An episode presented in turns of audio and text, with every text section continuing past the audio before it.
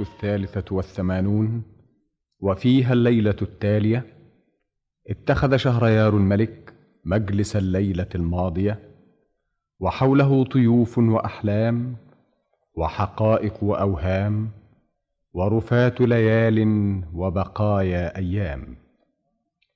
وطار الملك على أجنحة الخيال وطوى الزمان واختصر الأجيال فطالعته أحاديث شهرزاد واستغرقته مغامرات السندباد. فرآه في جزيرة الزنوج ورآه وهو يصنع السروج ورآه وقد تكاثر عليه أهل الحي ليدفنوه مع زوجته وهو حي. وبينما هو يسبح في أحلامه ويضرب في متاهات أوهامه قطع عليه حبل أحلامه حلم يسعى إليه. وإذا شهرزاد مقبلة عليه فقام الملك إليها وأخذ بيديها وأقبل عليها. شهرزاد مولاي. إني أعجب يا شهرزاد إذا كانت الدار للفناء والإقامة فيها عناء والخروج منها بلاء فلماذا يكون البناء؟ يكون للبقاء. وهل هناك بقاء؟ بقاء النوع يا مولاي. وتلك ميزة يختص بها الإنسان. ولولا ذلك ما تقدمت بنا الحياة ولا حرك العالم خطاه. وقد بنى من قبلنا لنا ونحن نبني لمن بعدنا. وما يعنيني مما يكون إذا كنت غير كائن. إننا لا نفعل ما نفعل بإرادتنا وإنما بإرادة الحياة. أنت قدرية يا شهرزاد. لأن القدر يسوق البشر والحياة سفر. أليس الإنسان هو الذي يصنع الحوادث؟ بل الحوادث هي التي تصنع الإنسان. فما تقولين في المغامرات؟ وما تقول أنت في المصادفات. مسألة فيها قولان. ولكن أحدهما هو القول يا مولاي. كيف يا شهرزاد؟ لأن الحقيقة لا تتعدد يا مولاي. هي شيء واحد واختلاف الناس فيه لا يعني أنه شيئان. هذا حق لأن الشيء إذا انحصر بين نعم ولا كان أحدهما ولا كلام. ماذا؟ اذا ففيها قولة واحدة وليس فيها قولا إنك أبرع من يلعب بالكلام. بل أنا أنظر في مطاوي الكلام وأقيس ما يكون على ما كان. أعرف أنك قدرية يا شهرزاد. إن الإنسان أثر يا مولاي والأثر لا يكون مؤثرا بحال. بل قد يكون.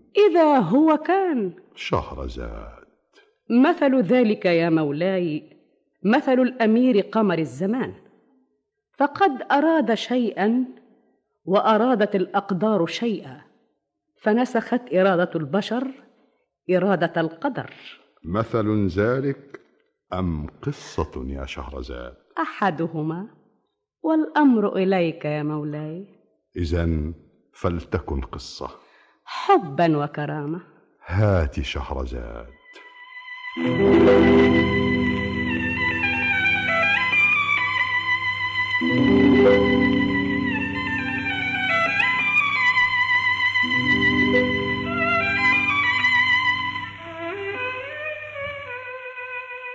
بلغني أيها الملك السعيد ذو الرأي الرشيد أنه كان في قديم الزمان وسالف العصر والأوان ملك عظيم الشان عريض السلطان اسمه الملك شهرمان وكان لهذا الملك ولد ذكر كأنه القمر في ليلة أربعة عشر.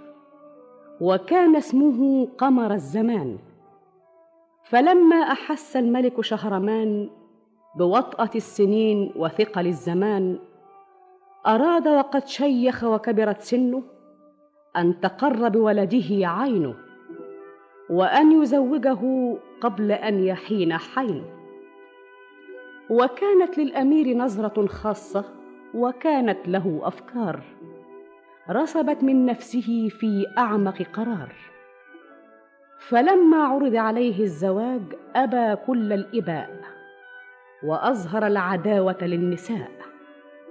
ونظر إلى الزواج من زاوية ونظر أبوه إلى الزواج من زاوية.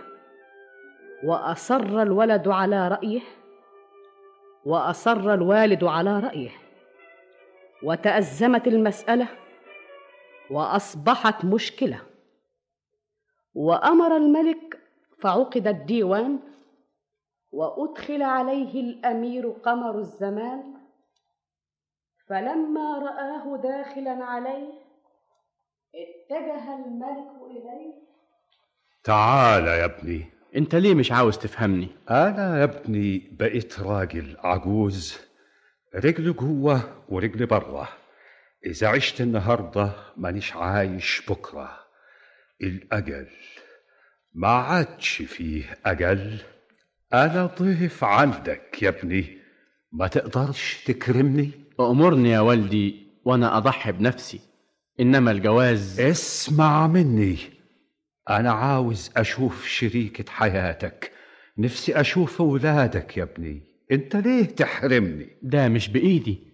ده غصب عني. ولما أطلب منك الطلب ده كأب. تبقى بتغصبني أخالف أمرك. وإذا أمرتك كملك. تبقى بترغمني أخرج عن طاعتك. أنت يا قمر ده أنت أولى الناس بطاعتي. لما تكون في طاقتي.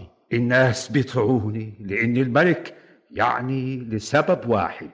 وأنت واجب عليك طاعتي لأني ملك ولأني أب يعني لسببين. إذا أردت أن تطاع أؤمر بما يستطاع. وإيه اللي يخليك ما تستطيعش؟ مفيش أكتر من إني لسه ما حبيتش. يعني ما فيش ولا واحدة من بنات الملوك تقدر تحبها؟ فيه كتير. طيب وليه ما بتحبش واحدة منهم؟ أنت بتسألني ليه ما حبيتش؟ مدام لسه ما حصلش. أنت فاهم الحب إيه؟ أنت كمان هتفهمني؟ ما أنت مش راضي تفهمني. أنت عاوز تأكلني حاجة غصب عني. سامعين سامعين الأمير بيرد إزاي؟ ليه بس يا مولانا؟ من فضلكم وفروا كلامكم. هو مولانا الملك هيقول لك على حاجة تضرك. وانت إيه شأنك؟ وليه بس يا أمير؟ ده شيء كتير. وفر كلامك يا حضرة الوزير. إحنا قصدنا ملكوش شأن بنا. سامعين دي لهجة أمراء دي لهجة ناس مؤدبين دي لهجة سقايين أنا أنا هربيك وأعلمك إزاي تتكلم. معلوم؟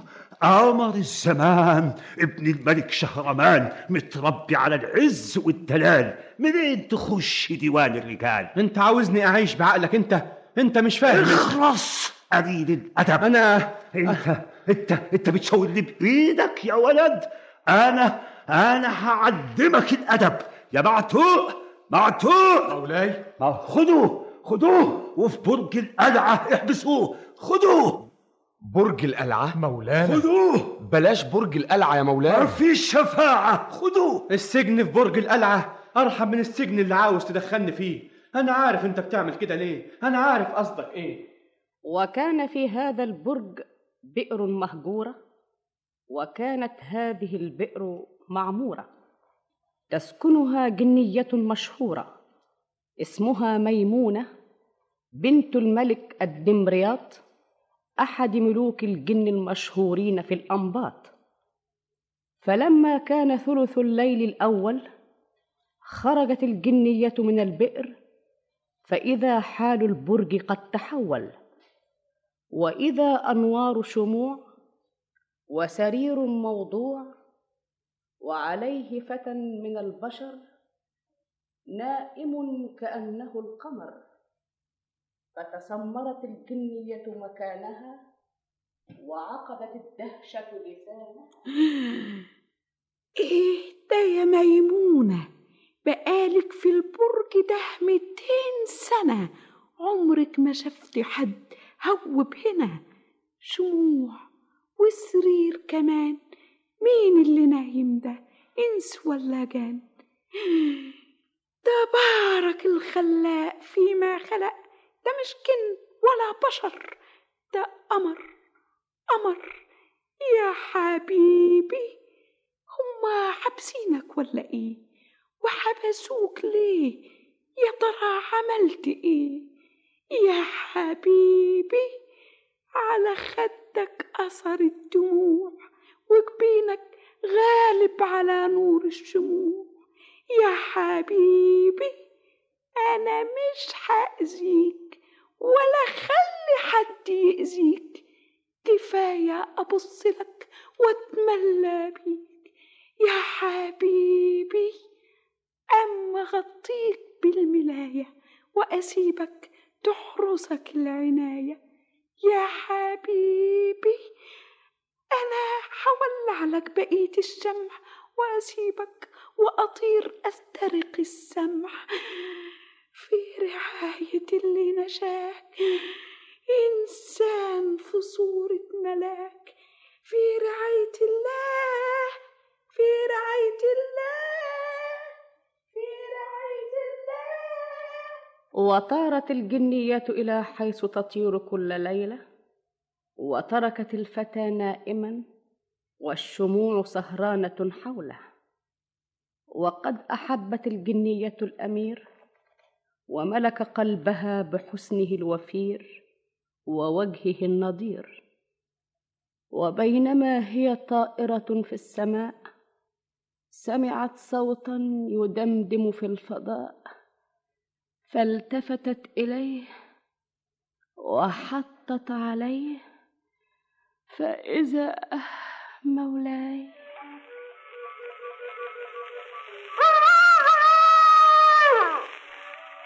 وهنا أدرك شهرزاد الصباح فسكتت عن الكلام المباح. وبهذا تنتهي الحلقة الثالثة والثمانون من ليالي ألف ليلة يكتبها طاهر أبو فاشا ويخرجها محمد لما كانت الحلقة الرابعة والثمانون. وفيها الليلة التالية اتخذ شهريار الملك مجلس الليلة الماضية. وفي نفس الميعاد أقبلت شهرزاد بقوامها المياد فسلمت أحسن سلام واستأنفت الكلام.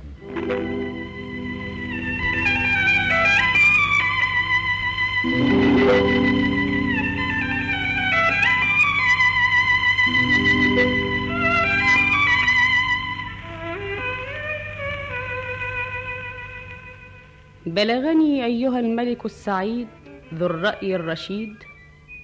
أن ميمونة الجنية تركت قمر الزمان وبينما هي تطير في السماء سمعت صوتا يدمدم في الفضاء فأخذها الغضب وصارت قطعة من اللهب ومالت بجناحيها إليه وانقضت عليه. فوق نجوم نجوم نجوم تحت غيوم غيوم غيوم من يعاديني من يعاديني أنا طيار أنا جبار أنا من نار نار النار فوق جناحاتي والريحاتي سيبوا لحاتي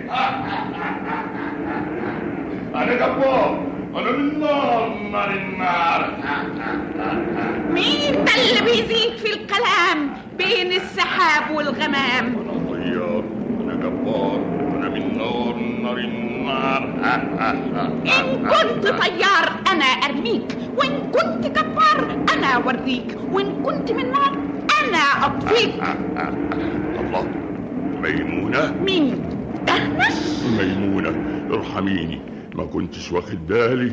اعملي معروف يا بنت ملك الجاد. ده أنت وقعت في شر أعمالك يا دهنش أقسم عليك بالسر الأعظم والطلسم الاكرم المنقوش على خاتم سليمان.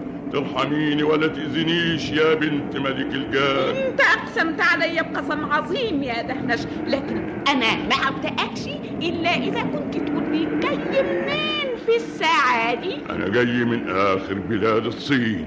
وحصلت لي عجيبة شفتها بعينيا ما حصلتش للجان العلوية ولا للعفاريت السفلية. شفت إيه يا دهنش؟ أقولك بس إذا ظهر إنك كذاب هعذبك أشد العذاب. وانتف ريشك واكسر لك جناحك. قل لي شفت إيه يا دهنش؟ أنا جاي دلوقتي من بلاد الملك الغيور. صاحب الجزائر والبحور والسبع قصور. وانت هناك بتعمل إيه يا دهنش؟ أنا ساكن في قصر مهجور من قصور الملك الغيور ومعايا بدر البدور. بدر البدور؟ أيوة بنت الملك الغيور. وإيه اللي سكنها في القصر المهجور؟ أبوها الملك الغيور حبسها في القصر المهجور. وليه يحبسها الملك الغيور؟ الملك الغيور ما خلفش غير بدر البذور وبدر البذور آية في الجمال لها شعر زي ليالي الهجر ووجهها زي أيام الوصال. وراحوا الملوك لأبوها علشان يخطبوها رفضت الخطاب وردتهم من على الباب. وغلب فيها أبوها إن ربنا يهديها يجيبها من هنا يوديها هنا يا بنتي مش كده ربنا يهديكي إذا جوزتني غصب عني أنا هموت نفسي. أنت اتجننتي؟ أنا مطول بالي عليكي وقلت يمكن تراجع نفسك ويرجع لك عقلك. أنا وليك وهجوزك من غير رأيي بيتهيألك أنا هوريكي إذا كان بيتهيألي ولا مش بيتهيألي يا منصور. أنت هتعمل إيه؟ هحدد ميعاد الفرح. تبقى حددت ميعاد موتي. انت مجنونة؟ مش ممكن تجوزني غصب عني. انت بتخرجي عن أمري؟ أنت اللي بتغصبني أنت عاوز تبيعني عاوز تبيعني. بدر البذور أنت مش عاوز تجوزني أنت بتبيعني. برضه بتكرريها؟ اقتلني موتني. أنا هربيكي وأعلمك إزاي تكلم أبوكي. يا منصور. يا منصور! مولاي. خدوا بدر البذور واسجنوها في القصر المهجور. وفي ليلة وأنا طالع القصر المهجور لقيت في القصر نور ولقيت بدر البذور. أنا عقلي بقى يدور كل ليلة أتقل نومها وأفضل واقف قدامها أتأمل في جمالها. عجيبة حكايتها. لكن إيش تكون بدر البدر جنب حبيبي؟ انتي ما شفتيش حبيبتي. انت ما شفتش حبيبي. دي ولا الحور بدر البذور. يا العين. أشوف بالعين. وإذا طلع حبيبي أجمل من حبيبتك. أنت فريشك وقصقص جناحتك. وإذا طلعت حبيبتي أجمل من حبيبك تديني حمايتك وأبقى محسوبك. تعالى يا وحبيبك فين؟ ساكن معايا في البرج جنب البير زي البدر المنير نايم على سرير. يلا يا شرير.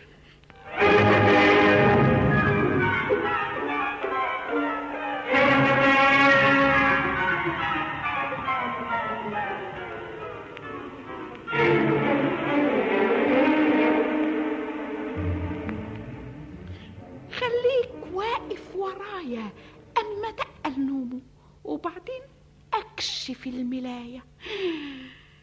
يا سلام. آية. بص يا دهنش. شوف الجمال يا دهنش. يا سلام. سبحان الخالق القاطع الناطق. شفت بالعين. شفت يا ميمونة. حبيبتك زي ده بالظبط. ما تقدريش تفرقيهم عن بعض حبيبي واحد في جماله مفيش في الحسن مثاله أنا شفت حبيبك لكن انت ما شفتيش حبيبتي أشوفها تعالي روح انت هاتها اجيبها آه تجيبها تتقل نومها وتشيلها ونحطهم جنب بعض ونشوف مين أجمل في الاتنين. قسما بالاسم الأعظم قسم ملوك الكان المنقوش على خاتم سليمان. لو طلع حبيبي أجمل من حبيبتك لن تفريشك وقصقص جناحتك يلا يا دهنش في غمضة عين افرد جناحتك الاتنين. يلا قوم قبل ما يصحوا من النوم. قوم قوم.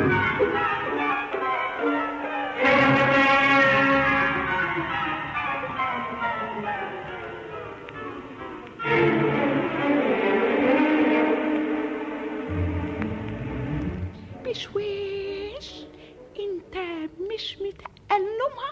وأنا كنت أقدر اشيلها الا لما تقل نومها أنا كمان متقلة نومه. طب خديه لعندك شوية أما نيمها جنبه. استنى أما عدلها شوف يا ميمونة شوفي جمالها.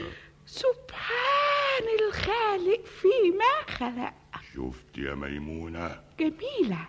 هي جميلة. أصلك شفت جمال زي ده ولا أصلي شفت جمال زي ده مفيش غير حبيبي حبيبي اللي أجمل منها. شوفي جمالها. شوف جماله. شوفي عينيها. شوف جبينه. شوفي شعرها. شوفي رموش عينيها. ما قلناش حاجة لكن إيش جاب لي جاب أنت أصلك بتحبيه. طبعا تفضليه انت اللي بتحبها؟ وعشان كده فضلتها. بقى الحلاوة دي؟ زي ده يب يب يب يب يب يب يب. يب وبكلامك ولا كلامي ولا كلامك. نجيب حد يحكم بيني وبينك. ترضى يا دهنش بحكم أش أش اش اش العفريت الأعور أبو السبع قرون والضفاير اللي بتجرجر. حصر بصر. آه طيب آه، آه، سيبيني أفكر. مفيش تفكير. الفجر قرب يظهر.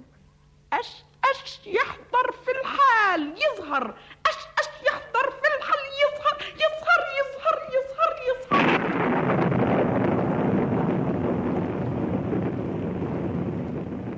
مين اللي نده عليا من الأراضي السفلية؟ ميمونة دستور يا بنت ملك الجان. أنا في خدمتك. الأمر أمرك والكلمة كلمتك. أنا عاوزاك تحكم بيني وبين دهنش. دهنش؟ أيوة. أيوه يا اش أنا بحب واحدة. إنسية؟ أيوه. وأنا بحب واحد. إنسي. أيوة. طب وعايزين إيه بقى مني؟ عاوزينك تحكم بينا. تشوف حبيبتي أجمل ولا حبيبها. عشان كده ندهتوني امم وروني. يا سلام مفيش كده جمال. مين؟ الاتنين. مم. مش قلت لك من الأول؟ اسكت انت. يب يب يب يب يب يب يب يب. لكن لابد واحد منهم يفرق عن التاني. إن جيتوا للحق ما تقدروش تفرقوهم عن بعض. لكن أنا عندي فكرة. إيه؟ نصحيهم بالدور ونشوف مين هيفتتن بالتاني موافقين. واحد منكم يتقل نوم واحد والتاني يعمل برغوت ويقرص التاني. يفتح عينيه يشوف صاحبه بين ايديه.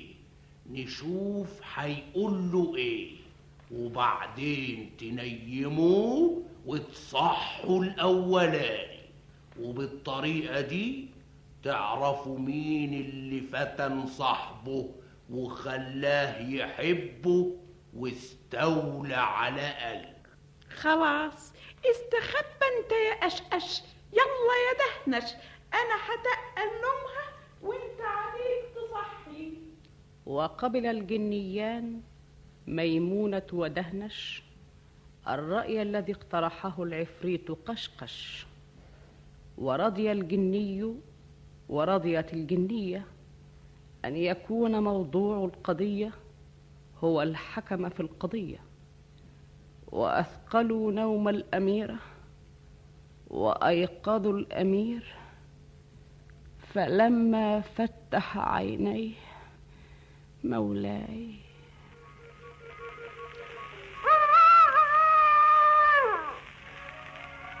وهنا أدرك شهرزاد الصباح فسكتت عن الكلام المباح.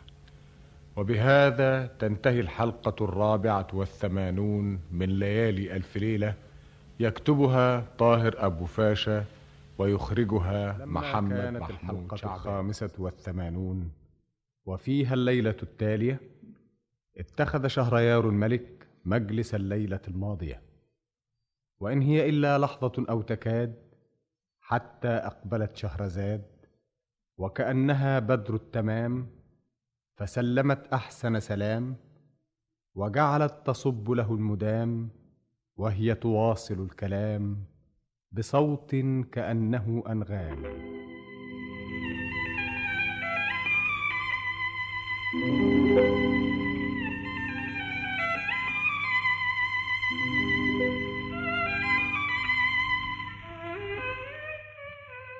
بلغني أيها الملك السعيد ذو الرأي الرشيد أن ميمونة ودهنش لما اختصما إلى العفريت قشقش وطلع لهما العفريت وتمثل سألاه أي محبوبيهما أجمل؟ ونظر العفريت إلى الفتى والفتاة فحار عقله وتاه. وتحيرت في جمالهما عيناه. فلما تحققت له المماثلة وعجز عن المفاضلة اقترح عليهما أن يوقظا كل واحد بدوره وينظرا ما يكون من أمره ويسجلا ما يقول كل واحد في صاحبه إذا صحى فرآه نائما بجانبه. وقبل الجني وقبلت الجنية أن يكون الحكم في هذه القضية هو موضوع القضية. وتقدم العفريتان والأميران نائمان فأثقلا نوم الأميرة وأيقظ الأمير ففتح عينيه ونظر في السرير فإذا الأميرة نائمة كأنها زهرة حالمة. آه يعني إيه اللي صحاني؟ البرج ده. الله مين دي؟ وإيه اللي جابها هنا؟ وإزاي تنام جنبي على السرير؟ حاجة عجيبة. إيه اللي جابها البرج ده؟ حابسينها رخرة ولا إيه؟ وحابسينها ليه؟ مين دي؟ وحكايتها إيه؟ أنت يا يا اسمك إيه؟ يا سلام إيه الجمال ده؟ ما شاء الله سبحان الخالق المصور فيه جمال بالشكل ده. يا ترى دي مين؟ هي اللي تقول لي هي مين. انت يا اصحي يا اصحي. هي نومها تقيل كده ليه؟ تكونش دي اللي أبويا خطبها لي وأنا مش واخد بالي. أنا ما كنتش أعرف يا حبيبتي. لو كنت شفتك ما كنتش خالفت والدي. اصحي يا حبيبتي. كل ده نوم؟ انت عاملة نايمة ولا نايمة بصحيح؟ ده أنا قلبي جريح. انت مين؟ اسمك إيه؟ أنا مش فاهم. أنا هايم. صاحي ولا نايم؟ أنا لابد بحلم. دي أحلام. يا سلام. لكن ابدا. أنا صاحي. دي إيدي. ودي رجلي. وده السرير والشمع.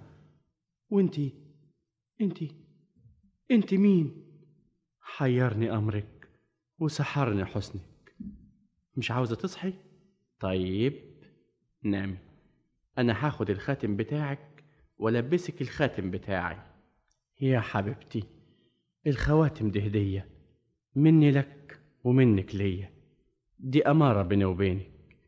الخاتم بتاعي جميل في إيدك والخاتم بتاعك جميل في إيدي. الخاتم ده تذكار لأول لقانا آه يانا. أنا بنام ولا إيه؟ النوم كابس عليا كده ليه؟ اصحي. يا سلام بصحيها وأنا بنام. اصحي. اصحي. قومي. قومي. أهو نام. تقل نومه. شفت يا ميمونة؟ اخسأ يا لعين يب يب يب يب يب يب.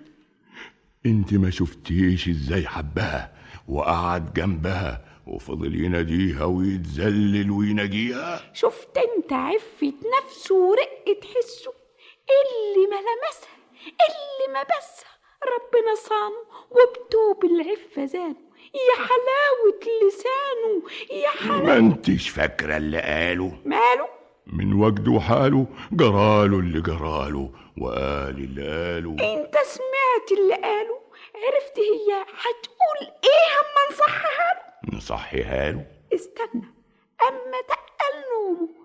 استنى يا مخسوف. ما تاخدينيش خوف أما نشوف. يلا اعمل برغوت واطلع قرصها. خليها تصحى من نومها. استخبي يا ميمونة ها؟ عيني إيه اللي صحاني؟ القصر المهجور والسجن اللي الله مين ده اللي نايم جنبي على السرير؟ يا ربي غريب نايم جنبي. أنت مين أنت؟ اصحى يا أنت اصحى قوم. كل ده نوم؟ أنت؟ يا سلام ملاك ده ولا إنسان؟ تبارك الرحمن. هو أنت اللي خطبتني ومن أبويا طلبتني؟ أنا ما كنتش أعرف يا حبيبي. لو كنت شفتك وعرفت صورتك ما كانش أبويا سجني ولا كان زعل مني. أصحى يا حبيبي. قوم يا خطيبي.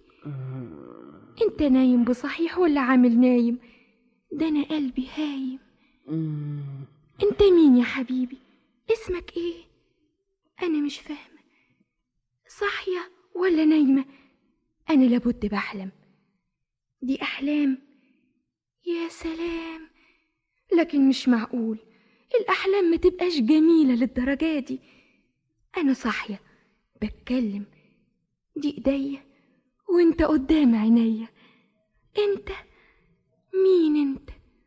حيرني أمرك. وسحرني حسنك. مش عاوز تصحى. طب نام. بسلام. أنا هديك تذكار وأخد منك تذكار. الخاتم بتاعك هاخده وألبسك الخاتم بتاعي. اقلعهولك من صباعي؟ الله! إيه الخاتم ده؟ الخاتم بتاعي فين؟ وريني إيدك. يا حبيبي أنت صحيت قبلي؟ طب ليه ما صحتنيش الخواتم دي هدية. مني لك ومنك ليا. تذكار أول حب وآخر حب. تذكار هوانا وأول لقانا آه يا أنا أنا بنام ولا إيه؟ النوم كابس عليا ليه؟ هو ده وقت نوم. قوم يا حبيبي قوم اصحى قوم. كل ده نوم. قوم اصحى. ما هي راحت في النوم. سمعت يا ملعون؟ وشفت يا ميمونة. حبيبي ولا حبيبتك؟ دي حاجة تحير. مين فيهم أجمل؟ الاتنين أجمل. يب يب يب يب يب يب يب. هو قال لها كلام وهي قالت له كلام. يا سلام وهو قلعها الخاتم. وهي قبلت منه الخاتم. طيب يبقوا زي بعض. يعني مفيش حد أحسن من حد. انت عرفك انت بالجمال. وازاي تسمح لنفسك تتكلم في الجمال؟ وأنا يا ميمونة من غير قلب. ليك قلب لكن عمري ما سكن فيه الحب. لكن أنا بحب بدر البدور يب يب يب يب يب يب يب يب يب يب الأمان الأمان يا بنت ملك الجان اقسم براس جد الملك طهمان اللي يركب الفيل ويتعمم بالتعبان لولا خاطر القمرين اللي نايمين لكنت عرضتك عرض وخسفت بيك الأرض أهل السماح ملاح اخسأ يب يب يب يب يب يب يب قوم يا ملعون الفجر قرب يصحي الكون. يلا شيل بدر البدور وطير على قصرها المهجور غور بشويش عليها اوعى تأذيها. يلا قبل النهار والنور. غور.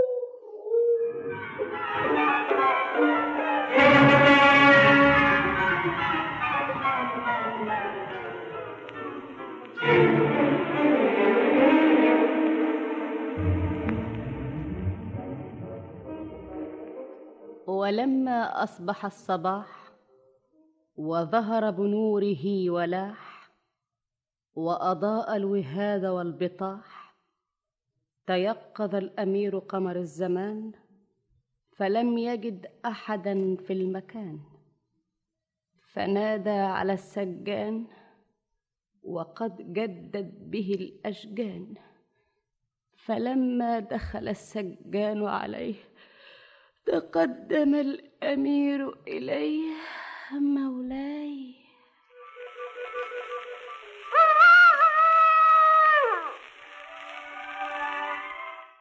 وهنا أدرك شهرزاد الصباح فسكتت عن الكلام المباح.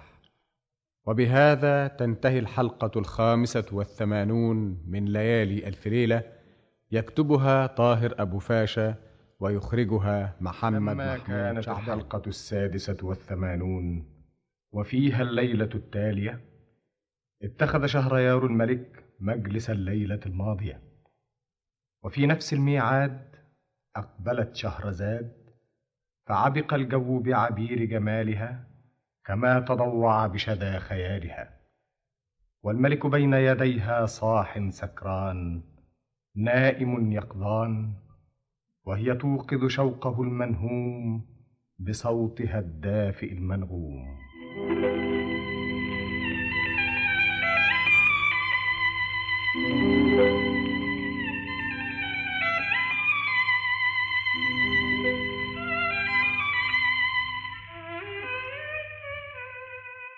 بلغني أيها الملك السعيد ذو الرأي الرشيد أنه لما أصبح الأمير لم يجد أحدا بجانبه على السرير وتفقد الحبيبة المجهولة التي أثارت بغموضها فضوله وقفزت إلى ذهنه عشرات الأسئلة وحارت حيرته في هذه المسألة.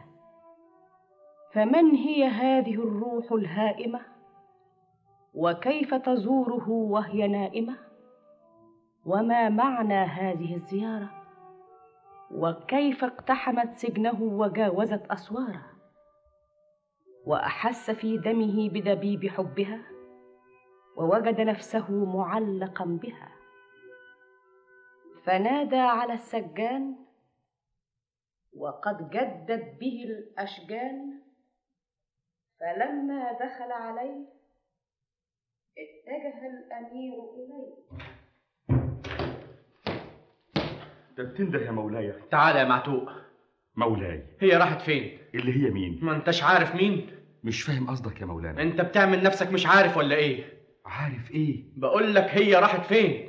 اللي هي مين؟ هم منبهين عليك ما تقوليش. اللي هم مين؟ ولما هم منبهين عليك ما تقوليش. مدخلينها لي ليه؟ اللي هي إيه؟ ما انتش عارف هي إيه؟ أنا مش فاهم حاجة ابدا والله يا مولانا. انت عاوز تفهمني؟ انها دخلت السجن ونامت فيه وخرجت منه. وانت واقف على الباب ومعاك المفتاح ولا شفتهاش؟ باب إيه؟ ومفتاح إيه؟ فضك من الكلام ده كله. قول لي إيه؟ هي راحت فين؟ اللي هي مين؟ برضه هيقول لي اللي هي مين. طب بلاش راحت فين؟ تقدر تقول لي اسمها إيه؟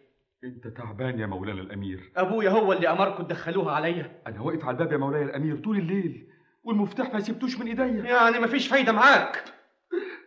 انت عاوز ترتاح يا مولانا. انت مش عاوز تريحني. ده أنا اشتري راحتك بعمري. طب قول لي. إيه؟ مين الصبيه اللي كانت نايمة جنبي؟ سلامة عقلك يا مولانا. ملهمش حق يحبسوك يا مولانا. انت فاهم انك تقدر تخدعني؟ انت مش قادر تصدق. انت هتجنني. انت سبت الباب. ما سبتوش. انت هتقول لي ولا لا؟ ارحم شبابك يا مولانا. كلمة واحدة. لا حول ولا قوة إلا بالله. إن ما كنتش هتقول حرميك في البير. مولانا. أنتوا ما تجوش إلا بكده. مولانا البير البير ده معمور. اسمها إيه؟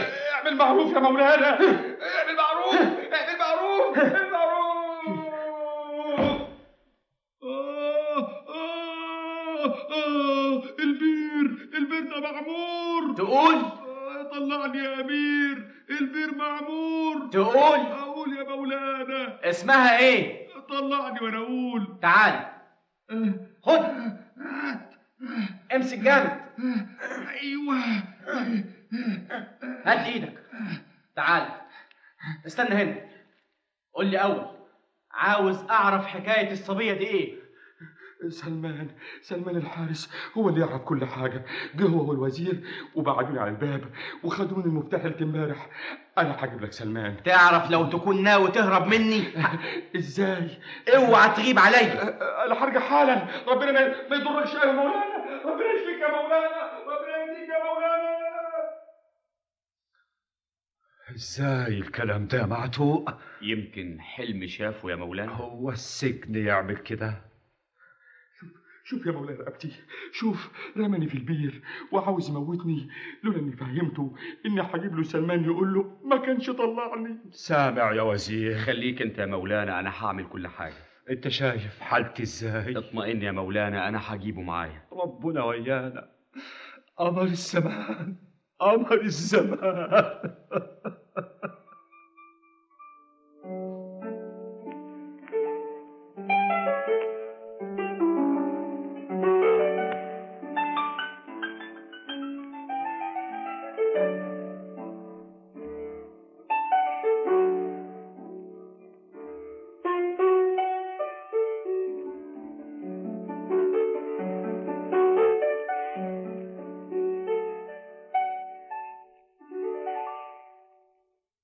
مولانا الأمير. ما تتعبش نفسك يا وزير. استنى هنا. إيه؟ انت مش خارج من هنا إلا إذا كنت تقول لي اسمها. بقول لك يا مولانا مفيش بنات ولا صبايا. أما دي حكاية. طيب ولما أنتوا مش عاوزين تقولوا لي ليه مدخلينها لي؟ طيب طيب يا مولانا. الصبية دي حكايتها إيه؟ ومدخلينها عليا ليه؟ طيب طيب بس حاسب يا ما مولانا تلفش معايا. طيب طيب بس سيب العباية أنا هقول كل حاجة. البنت اللي بتقول إنها كانت نايبة جنبك إذا كان حبها قلبك أقوم أبلغ الملك يجي يكلمك عنها علشان هو اللي بعتها. وبعتها ليه؟ بعتها لك علشان خاطبها لك. طب ومستني إيه؟ قوم بلغه. قول له المريض نفع معاه العلاج ورضي بالزواج. حالا يا مولانا. أوعى تغيب عليا ده إحنا هنرجع حالا. ربنا ما يضركش يا مولانا. ربنا يشفيك يا مولانا. ربنا يهديك يا مولانا. وخرج الوزير من عند الأمير وقد هاله ما أصابه.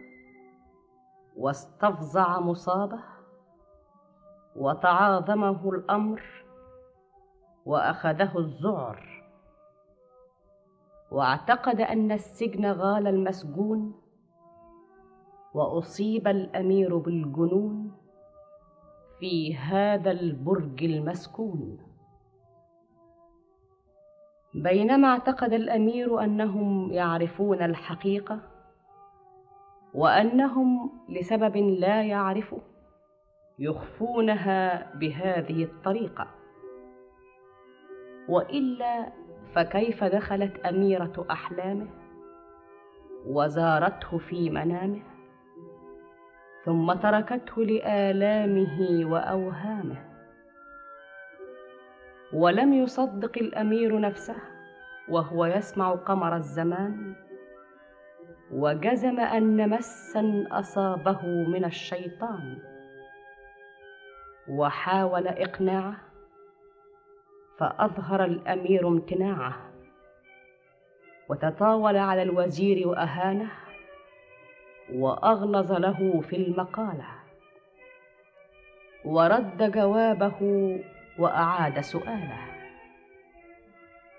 وعندئذ أسرع الوزير بهذا النبأ الخطير ليخبر الملك شهرمان بما حدث لابنه قمر الزمان. الله كأن الكلام ده صحيح. أنا آسف يا مولانا إلا بلغ خبر زي ده ابني قمر قمر الزمان. ومستنيين إيه؟ وسايبينه في السجن ليه؟ ابني ابني ابني. América!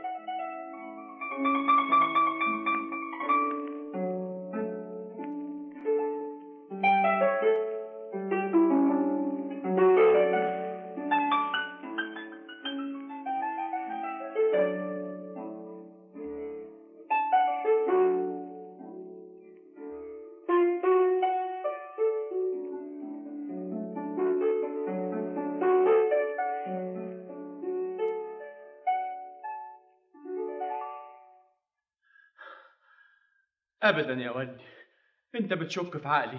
النهارده إيه في أيام ربنا؟ النهارده السبت وامبارح كان الجمعة وبكرة الحد وإحنا في شهر سيوان وقبل منه آيار ونيسان وبعده تموز وآب وأيلول.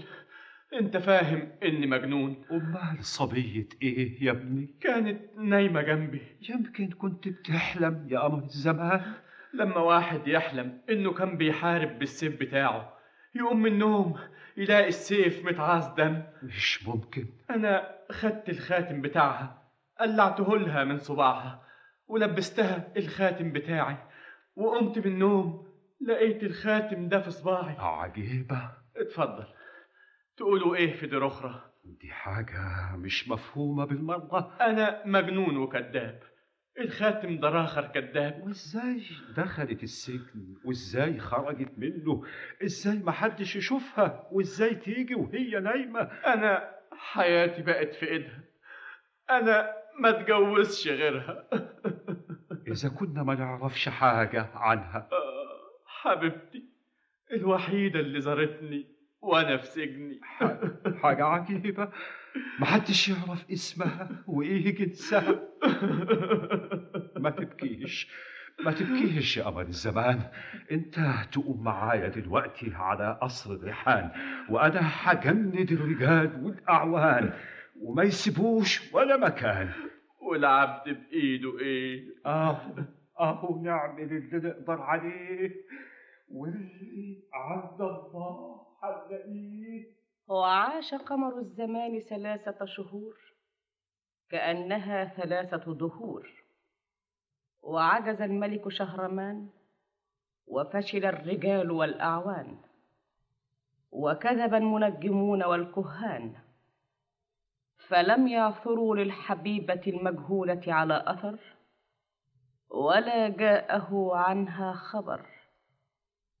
فاعتراه الضعف والهزال وأصبح مثل عود الخلال وزادت عليه الآلام واستبدت به الهواجس والأوهام إلى أن كان يوم من ذات الأيام.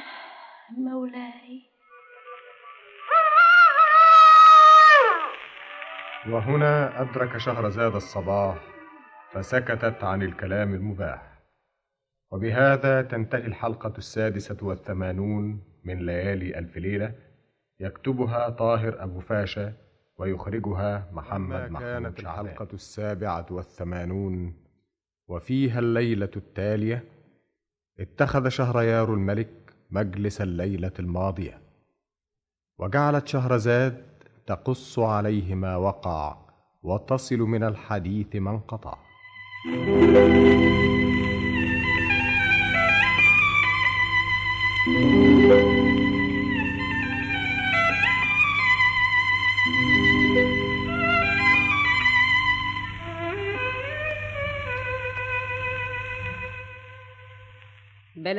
أيها الملك السعيد ذو الرأي الرشيد أن العفريت دهنش لما حمل بدر البدور وطار بها إلى قصرها المهجور حيث حبسها أبوها الملك الغيور صاحب الجزائر والبحور وسبعة القصور.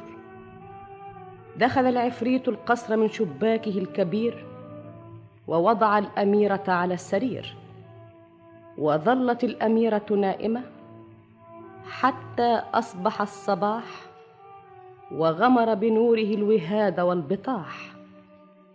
فصحت الأميرة وفتحت عينيها وتلفتت حواليها فلم تجد أمير أحلامها الذي زارها في منامها. فقامت تبحث عنه فلم تجد له أي أثر ولم تقف له على خبر. فنادت على القهرمانة التي تقوم على بابها سجانة. فلما دخلت عليها أسرعت الأميرة إليها. صباح الخير يا بنت. تعالي يا خالتي الحقيني. انت خوفتيني. قولي لي إيه؟ هو راح فين؟ اللي هو مين؟ بقى ما انتش عارفة مين. مش واخدة بالي يا بنتي. اعملي معروف يا خالتي. قولي لي يا بنتي عاوزة إيه؟ تدليني عليه. اللي هو مين؟ عود الزان قمر الزمان. حبيب قلبي كان نايم جنبي. ما تقوليش كده. أحسن ما يفهموش إن ده هزار وياخدونا من الدار للنار. يعني مش عاوزة تقولي لي أقول لك إيه بس يا بدر البدور. شاب غريب يقدر يخش القصر المهجور وكمان ينام جنبك على السرير؟ ده كان أبوك الملك الغيور يخلي الدم بحور. ليه بس يا خالتي؟ ما تعيطيش يا بنت. ارحميني يا خالتي. انت شايفة حالتي. فين حبيبي؟ حبيبي! قطعت قلبي. لا حول الله يا ربي. حبيبي! ارجعي لعقلك يا بنتي. سلامة عقلك يا حبيبتي. انت بتعذبيني ارحميني. قوليلي أنتوا وديتوا حبيبي فين؟ كل دي تهيؤات يا بنتي. اسم الله عليكي وحواليكي. رأيتك من عين أمك ومن عين ابوكي ومن عين اللي شافوكي. يمكن صحيح بيتهيألي لكن الختم في صباعي. انت كدابة كدابة. يا ندامة. أنا هخليها تبقى ندامة. ده انت يلا السلامه انت هتقولي لي ولا لا؟ الله الله الله الله, الله. السيف انت اتجننتي؟ يا خسارة عقلك يا بنتي. هتقري ولا لا؟ طيب طيب طيب طيب. قولي. مفيش حد يا بنتي صدقيني. اخرسي. آه آه آه. كده جرحتيني مفيش فايدة. لابد تقولي لي. الدم الدم. الدم. أنا هخلص عليك. وديته حبيبي فين؟ أنا هجيب لك اللي يقول لك. مين؟ أم مرزوان. هي اللي عارفة السر. أنا هخليها لك تقر. أنا عارفة ليه حبسوكي. ربنا يشفيكي. ربنا يهديكي. ربنا يشفيكي. إزاي الكلام ده يا كهرمانة؟ آه. شوف الدم يا مولانا كانت هتقتلني يا مولانا. مجنونه مسكينه أنا اللي مسكين. الدنيا كلها تطعني وبنت تخالفني وتيجي على آخر الزمن تتجنن لي وأنا هخليها تتجنن بصحيح.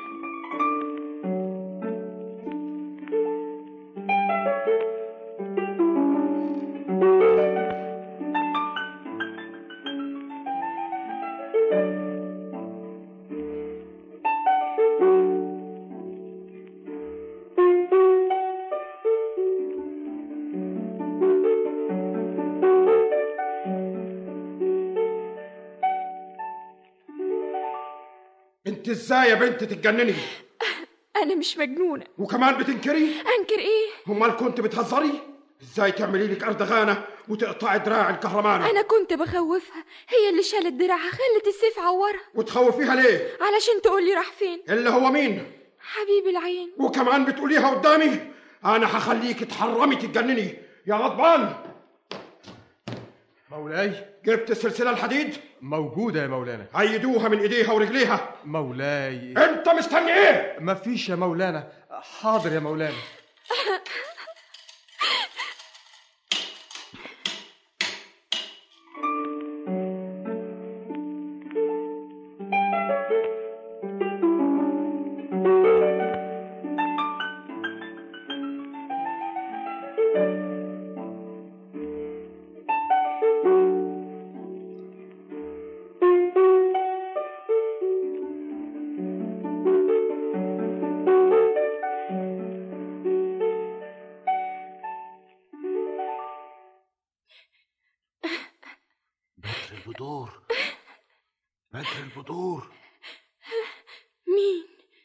مرزوان ما تخافيش. ودخلت هنا إزاي؟ أمي قالت لي ما جانيش قلبي.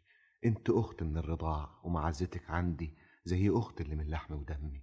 ساعة ما حكت لي أمي زاد همي وجيت لك اجري ودخلت القصر إزاي يا مرزوان ضحكت على الكهرمانة وفهمتها إني من طرف مولانا. أنت ما تتصوريش مولانا زعلان قد إيه؟ زعلان من إيه؟ زعلان عليكي. لو كان زعلان عليا ما كانش ايد إيديا ورجليا. ما هو فاهم إنك عيانة وهم العيانين يأيدوهم خايف منك عليكي أم أيد إيديكي ورجليكي مسكين ليل ونهار يبكي وينيم. أنا معرض رقبتي وجايلك عشان أشوفك وأساعدك. بس قبل كل حاجة عاوز أشوف الخاتم اللي قلت عليه لأمي. أنت كمان مش مصدقني. كل الناس بتكذبني. اتفضل. الخاتم أهو. بس أنا هقوم سواح ألف في الدنيا. إذا رجعت هقدم لك حبيبك هدية وإذا ما رجعتش ابقي ترحمي عليا مرزوان! أشوف وشك بخير يا بدر البدور. أشوف وشك بخير يا مرزوان!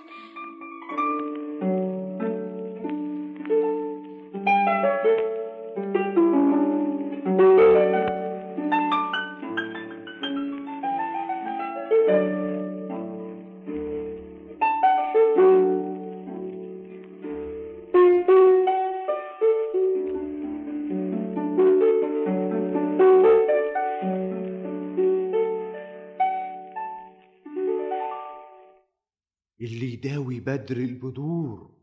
يتجوز بدر البدور. ما هو راخر ما كانش يداويها يروح فيها. يا ريتني كنت طبيب.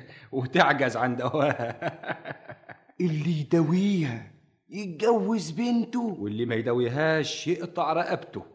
والحكاية دي هيمشيها. أدي إحنا فيها. هو دخل مع الطبيب وزمانه جاي ما عادش يغيب. هو الطبيب طلب مهلة كام يوم؟ طلب أسبوع وانتهى الأسبوع ولا عرفش يداويها الوقت يبان اللي فيها. يعني هيقتله وإيه اللي يمنعه؟ حاجة ملهاش معنى. وطي صوتك. في حد بيسمعنا. مولانا الملك الغيور صاحب الجزائر والبحور والسبع قصور. دخلوا الطبيب. داوود الطبيب. تعال هنا. مولاي. انت كنت طالب مهلة كام معلش يا مولاي اديني مهلة تانية وأنا أضمن لها الشفاء والعافية. إذا كنت ما ضمنتش نفسك ولا ظبطت وقتك منين هتضمن شفاها وتعرف دواها؟ اديني مهلة كمان أسبوع يا مولانا. أنت طلبت أسبوع. لو كنت طلبت اتنين كنت اديتك أسبوعين. الطبيب اللي ما يظبطش وقته لا خير فيه ولا في طبه. أنا ما كنتش أعرف إن ال... ولما أنت ما تعرفش بتعرض نفسك ليه؟ ما كنتش فاهم ال... ولما أنت مش فاهم ليه تعمل فاهم وتتعرض للأوادم؟ أنت عارف الشرط إيه؟ شرط إيه؟ لو ما عالجتهاش يجرالك إيه؟ الله الكلام ده جد؟ امال هزار يا نهار! امال يعني كنت جاي عشان تشوفها؟ كنت جاي أعالجها؟ ولا عالجتهاش. تقوموا تموتوني. ما أنت كمان لو كنت عالجتها طب كان زمانك اتجوزتها. طب اديني كمان مهلة يا مولانا. ولا دقيقة. يا غضبان. مولاي. خدوه اقطعوا رقبته وعلقوا راسه على السور. الله الله مولانا. شفاعة يا مولانا. شفاعة شفاعة. يكون معلوم للعموم ان أي واحد يداوي بنتي أجوزها له وتكون حلاله وأعطيه نص ملكي واللي يتعرض لدواها ولا يتممش شفاها تكون آخر ايامه وتسامع الناس في أنحاء الجزيرة بقصة جنون الأميرة وعرفوا شروط أبيها ومكافأة من يداويها فأذهلتهم المفاجأة وأغرتهم المكافأة. وتسابق المنجمون وتزاحم على بابها العرافون. وكل منهم يطمع أن يفوز ببدر البدور ويستولي على نصف ملك الملك الغيور. حتى إذا بان عجزه وغلبه يأسه قطع رأسه وعلق على السور. مولاي. وهنا أدرك شهرزاد الصباح فسكتت عن الكلام المباح. وبهذا تنتهي الحلقة السابعة والثمانون من ليالي ألف ليلة يكتبها طاهر أبو فاشا ويخرجها محمد محمود كانت شعبان. الحلقة الثامنة والثمانون. وفيها الليلة التالية اتخذ شهريار الملك مجلس الليلة الماضية. وأقبلت شهرزاد في نفس الميعاد فسلمت أحسن سلام واستأنفت الكلام.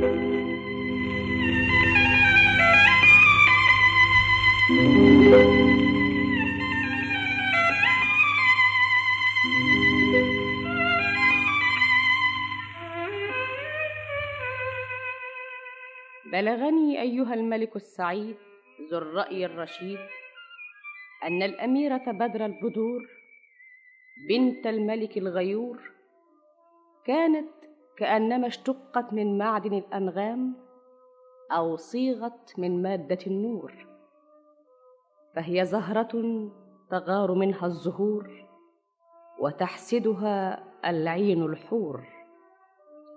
سقاها الصبا ما سقاها وغسل الشباب محياها وشعشع الجمال حمياها. فلما تسامع الناس أن أباها جعل مهرها دواها لمن يعرف علتها ويتمم شفاها فمن يطب لها ويرجع إليها عقلها ينال يدها ويمنحه أبوها نصف ملكه البعيد ويقاسمه في جاهه العريض. عندئذ ازدحم الطب على بابها والتقت الحكمة في رحابها. وكل طبيب يفشل دواؤه يقع عليه جزاؤه ويأمر الملك الغيور فتضرب رقبته ويعلق رأسه على السور. حتى كسرت الرؤوس المعلقة وأصبحت حالة مقلقة. وامتنع المنجمون وأحجم العرافون وشح الأطباء وعز الدواء ولم تتماثل بدر البدور ويأس الملك الغيور وأسلم نفسه للآلام وكثر في المملكة الكلام إلى أن كان يوم من ذات الأيام منجم وحاسب يقرب المطالب يظهر العجايب. فين المطلوب وفين الطالب؟ منجم وحاسب يقرب المطالب يظهر العجايب. فين المطلوب وفين الطالب؟ انت يا راجل انت اللي بتزعق هناك. يتمم هناك وتبلغ مناك انت كاهن من الكهان؟ فيه عندكم واحد عيان. طب اهرب من هنا بالعجل قبل ما يوافي الأجل. منجم وحاسب يظهر العجايب يقول على اللي حاضر ويقول على اللي غايب. أنا نصحتك بعدين هتضيع رقبتك. يقرب المطالب فين المطلوب وفين الطالب؟ ده انت لسه صغار. ليه ترمي نفسك في النار؟ العمر بيد الله وكل ده ربنا خلق دواه شيء عجيب. الظاهر إنك غريب. كلنا في الدنيا أغراب أولاد أغراب وبيوتنا بتستنانا في التراب. أنت ما تعرفش الحكاية ولا إيه؟ حكاية إيه؟ الملك بتاعنا الملك الغيور. له بنت اسمها بدر البدور اتجننت وجننت أبوها معاها جعل مهرها دواها واللي يجي يداويها ولا يعرفش يداويها يروح فيها. بص بعينك للسور الله دي أدمغة ميتين وانت الصادق مقتولين. والروس دي بتاعت مين؟ دي روس المنجمين اللي معرفوش دواها فين. تسعة وتلاتين. وراسك هتكون الأربعين. فين الراجل المنجم اللي توه بينادي؟ أنا أهو يا سيادي. تعال يا راجل. أهو جالك القضا العاجل تعال يا راجل معايا امشي ورايا النهاية. أنت عارف اللي بعت لك مين؟ مين؟ الملك الغيور. عشان تداوي بدر البذور الدواء من عندنا والمداوي ربنا. تعال من هنا. زال عنك السوء والعناء استنى هنا. الطبيب المنجم. الطبيب المنجم. أنا المنجم. تعال يا راجل. اتقدم المنجم يا مولانا. أهو سد خانة. تعالى في عندنا واحدة عيانة. قبل كل كلام التحية والسلام وإذا كان على العيانين ربنا هو المعين. والله بتعرف تتكلم. إياك تكون كده وإنت بتنجم. لكن إنت لسه شباب. الحكمة ذات نفسها شباب. عمرها ما تشيخ ولا تبقى تراب. ولكل أجل كتاب. هي خسارة شبابك. إيه بس اللي جابك؟ العبد بيسعى لظروفه وظروفه بتسعى له. وكل واحد مكتوب له اللي هيجراله في عندنا واحدة عيانة. ربنا ويانا. إذا دوتها هقدم لك إيد بنتي. وإذا عجزت أقدم لك أنا رقبتي. راجع نفسك يا ابني. أنت خسارة. أنا عملت استخارة. خلاص ذنبك في رقبتك وأنت وبختك. خدوه على القصر المهجور ودخلوه على بدر البدور.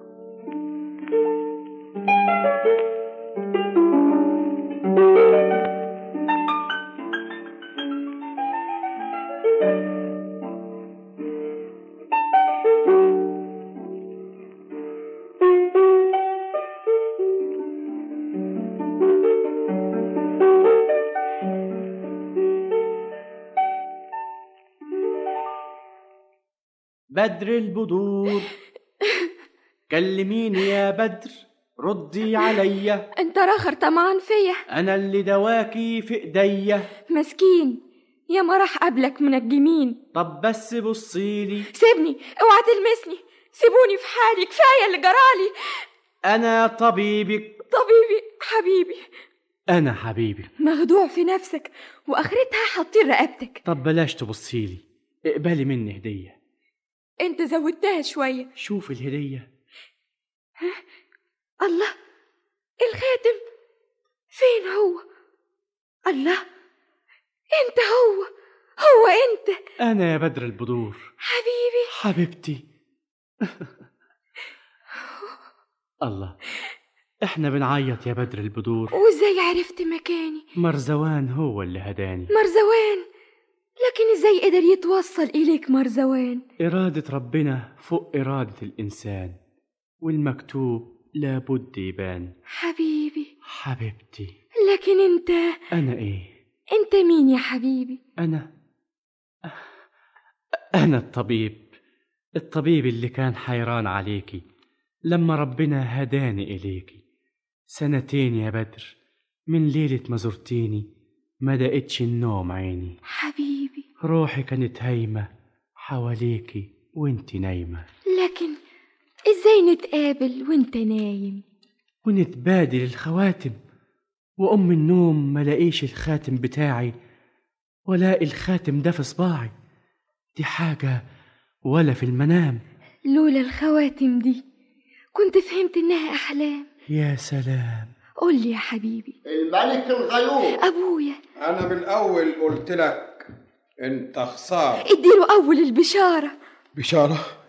الله بنتي بدر حبيبتي أنت طبتي الحمد لله.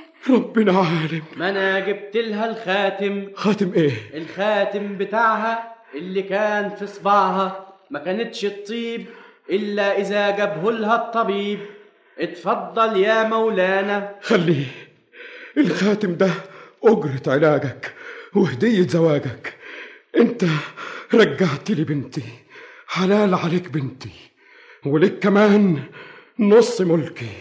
يا خدم يا حشم يا جواري يا عبيد أقيموا الأفراح والليالي الملاح.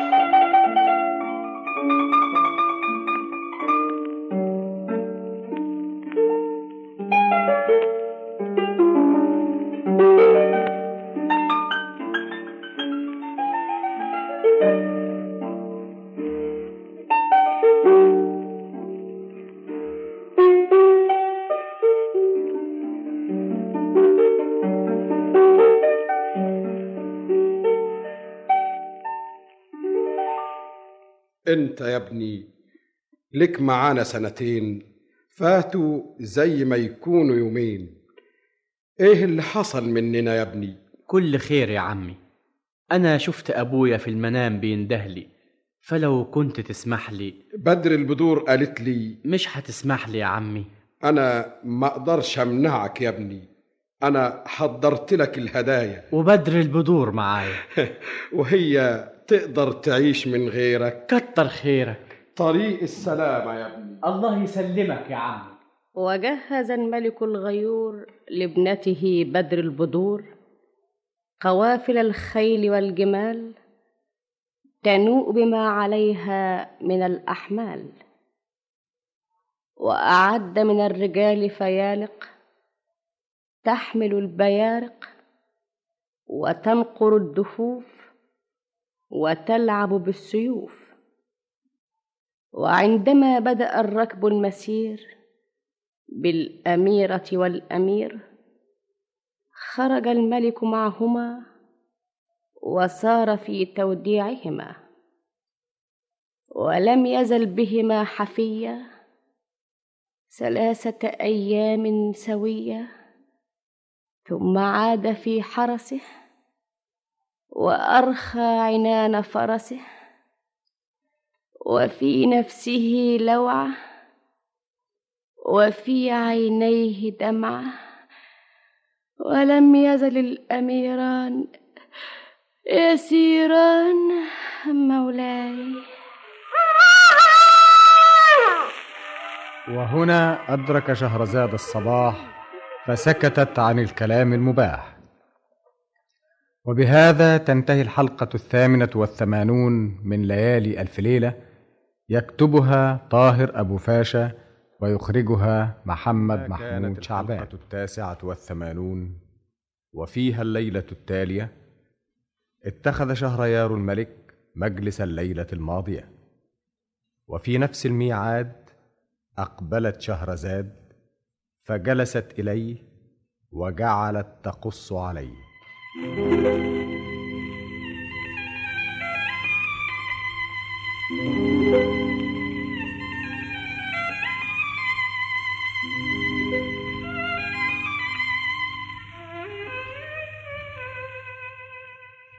بلغني أيها الملك السعيد ذو الرأي الرشيد أن الأمير قمر الزمان ابن الملك شهرمان خرج لزيارة أبيه في موكب ليس له شبيه ومعه زوجه بدر البدور بنت الملك الغيور.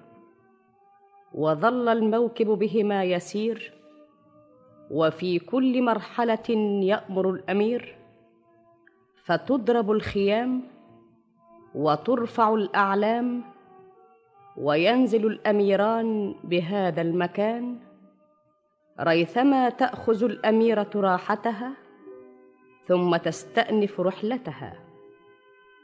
وفي مرة من المرات مروا بمرج كثير النبات فنزلوا على هذه الأعشاب وضربوا الخيام ورفعوا القباب.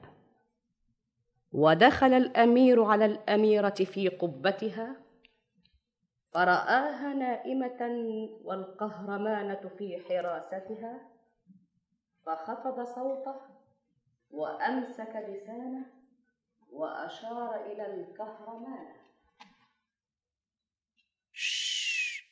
سيبيها نايمة. ما تصحيهاش يا كهرمانة مسكينة تعبانة. هانت. ما عادش كتير. ربنا يهون العسير. الله انت بتعملي إيه؟ ده النطاق بتاع ستي بدر البدور معقود على فص مسحور. فص مسحور إيه؟ الله انت هتعمل إيه؟ اما شوف ده إيه؟ انت بتفكه ليه؟ ما تفكوش ما تفكوش. إيه الفص ده؟ ما تطلعوش ما تطلعوش. ده عليه كلام منقوش. ما تقراهوش ما تقراهوش ده سر ما تكشفوش. لو سلطت الفص ده لنور الشمس وبصيت فيه هعرف أقرأ اللي عليه. بلاش يا أمير بلاش. الله! ده عليه صورة. صورة. الله الله الله الله الله. إيه هي خطفته؟ طيرة نزلت من السماء وهجمت عليا. خطفت الفص من إيديا. استنى يا أمير استنى. ما تروحش وراه أما أجيب الفص قبله. أنا معايا القوس والنبلة.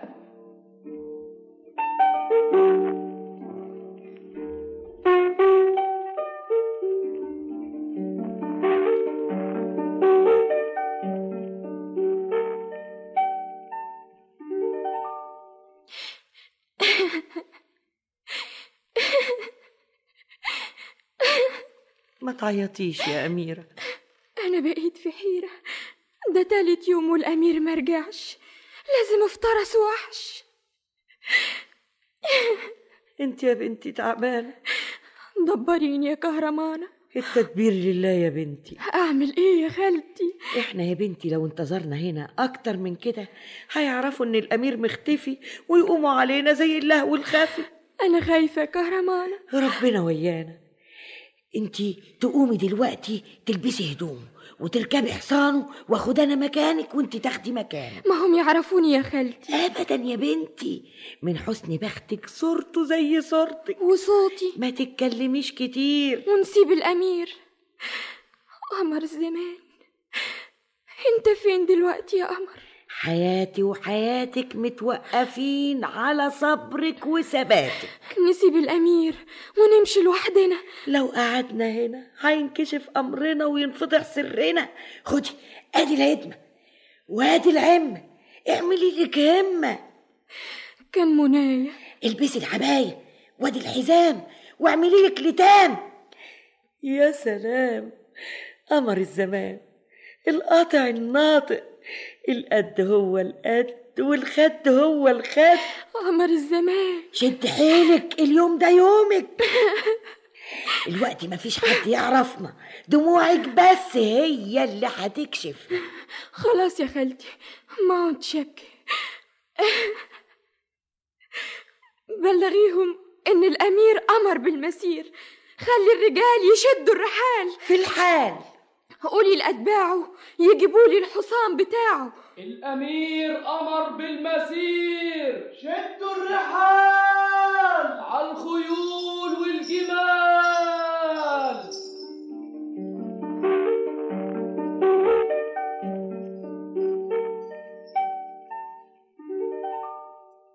يا مولانا الأمير إحنا تايهين. أدي إحنا ماشيين. وبعدين؟ المقدر يكون وكل شدة تهون. بقالنا خمس أيام ماشيين. ومش عارفين السكة منين. أنا عارف السكة دي تودي فين. الزوادة يا مولانا. المية شحت ويانا وفروا كلامكم. أنا عاوز تشدوا حيلكم. بصراحة إحنا مهددين يا جماعة. مفيش قدامنا غير الصبر والشجاعة. أمرك يا مولانا. شدوا حيلكم ويانا. الله مولانا. إيه؟ شوف يا مولانا. دي بلد دي ولا إيه؟ أمال القبب اللي باينة دي إيه؟ بلد بينا عليه دي مدينة. ربنا عالم بينا. شوف الناس واقفين قدامها قد إيه؟ هم واقفين كده ليه؟ لحسن يكونوا واقفين لنا. بخت حد يقول لنا. إحنا قربنا عليهم. شوف رافعين السيوف في إيديهم. إحنا ما عملناش حاجة فيهم. مين ده السعيد اللي جاي من بعيد؟ هم بيقولوا لنا. هو في حد غيرنا؟ مين ده السعيد اللي جاي من بعيد؟ افتحوا طريق الأمان للأمير قمر الزمان. وأمير كمان؟ أمير؟ طلع أمير. امسكوا حصان الأمير. مبارك يا أمير. مبارك يا أمير. مبارك يا أمير. هم على إيه بيباركوا لنا يمكن علشان وصلنا. مبارك يا أمير. مبارك يا أمير. مبارك يا أمير. الله يبارك فيكم. اتفضل يا أمير. شوف جمال الأمير. دي الأميرة لما تشوفه حطير. أنا مش فاهم. إيه حكاية الأمير؟ ده أنت حظك كبير. إحنا اللي حظنا كبير. اتفضل يا أمير. اتفضل يا أمير. اتفضل يا أمير. على فين يا أخوانا؟ على الملك بتاعنا.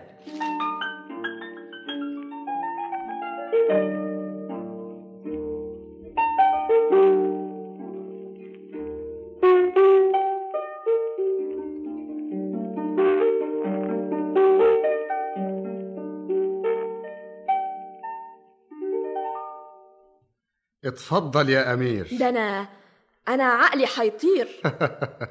للدرجة دي فرحان؟ أنا كمان فرحان. والأميرة كمان فرحانة. ولا أنت مش ويانا؟ ده الأمير شرف حدانا حلمك يا مولانا. اسمك قمر الزمان؟ أيوة. آه، شيء جميل. آه، ووالدك الملك شهرمان؟ أيوة. أمير وأصيل وشكلك جميل. يا سلام على كرم ربنا. ده السعد جالنا لحدنا. الحقيقة يا مولانا الأمير لايق ليها. وهي لايقاله من الأزل مكتوباله. مبارك يا أميرة. مبارك يا أميرة. مبارك يا أميرة. ده أنا في حيرة. ما تفضوها سيرة. أنا مش فاهم الحقيقة. الحقيقة اتحققت النبوءة. نبوءة إيه؟ أمال أنت فرحان ليه؟ أنا مش فرحان. أنا حيران. ولا هي مش عاجباك؟ اللي اللي هي مين؟ بنتي الأميرة. تعالي يا حياة النفوس سلمي على الأمير قمر الزمان. أهلا وسهلا. آه، اقعدي يا بنتي. الأميرة والأمير الشمس والبدر المنير. اسمح لي يا مولانا أنا مش فاهم حاجة. إزاي مش فاهم؟ أنا مش عارف أنا فين. من ساعة ما قابلوني أخدوني في رواية. مش عارف إيه الحكاية. بقى ما أنتش عارف يا قمر الزمان. ده أنت لما تعرف هتفرح كمان وكمان. انت يا ابني في مدينة الأبانوس وأنا الملك أرمانوس ودي بنتي حياة النفوس. يوم ما اتولدت من 17 عام شفت منام ما سألتش عنه. وتاني يوم نفس الحلم شفته. وتالت يوم جاني في النوم.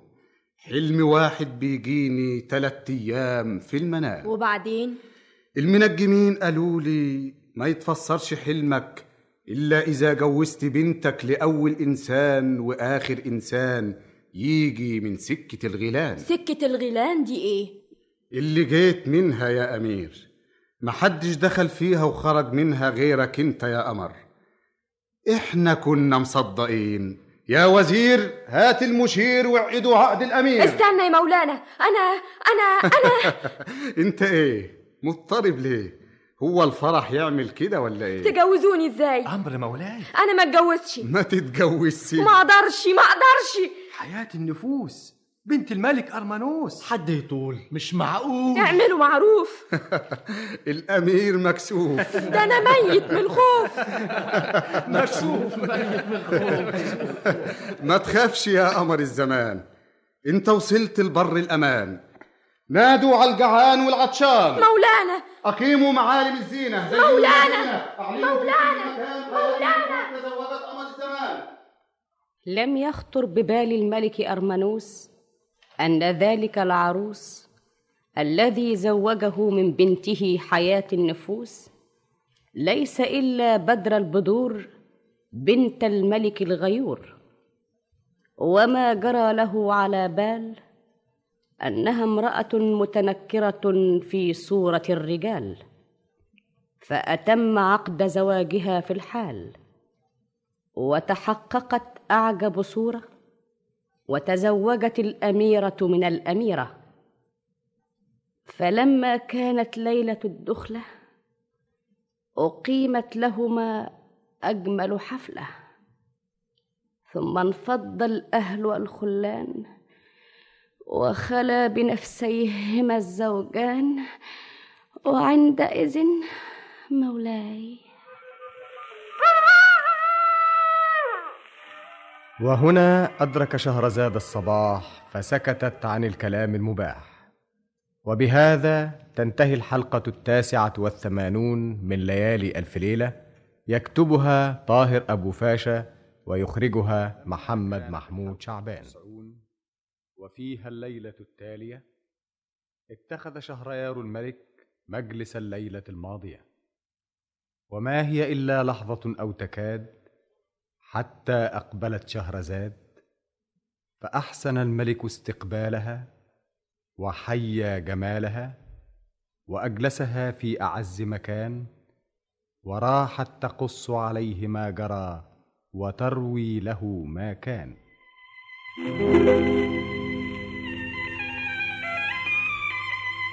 بلغني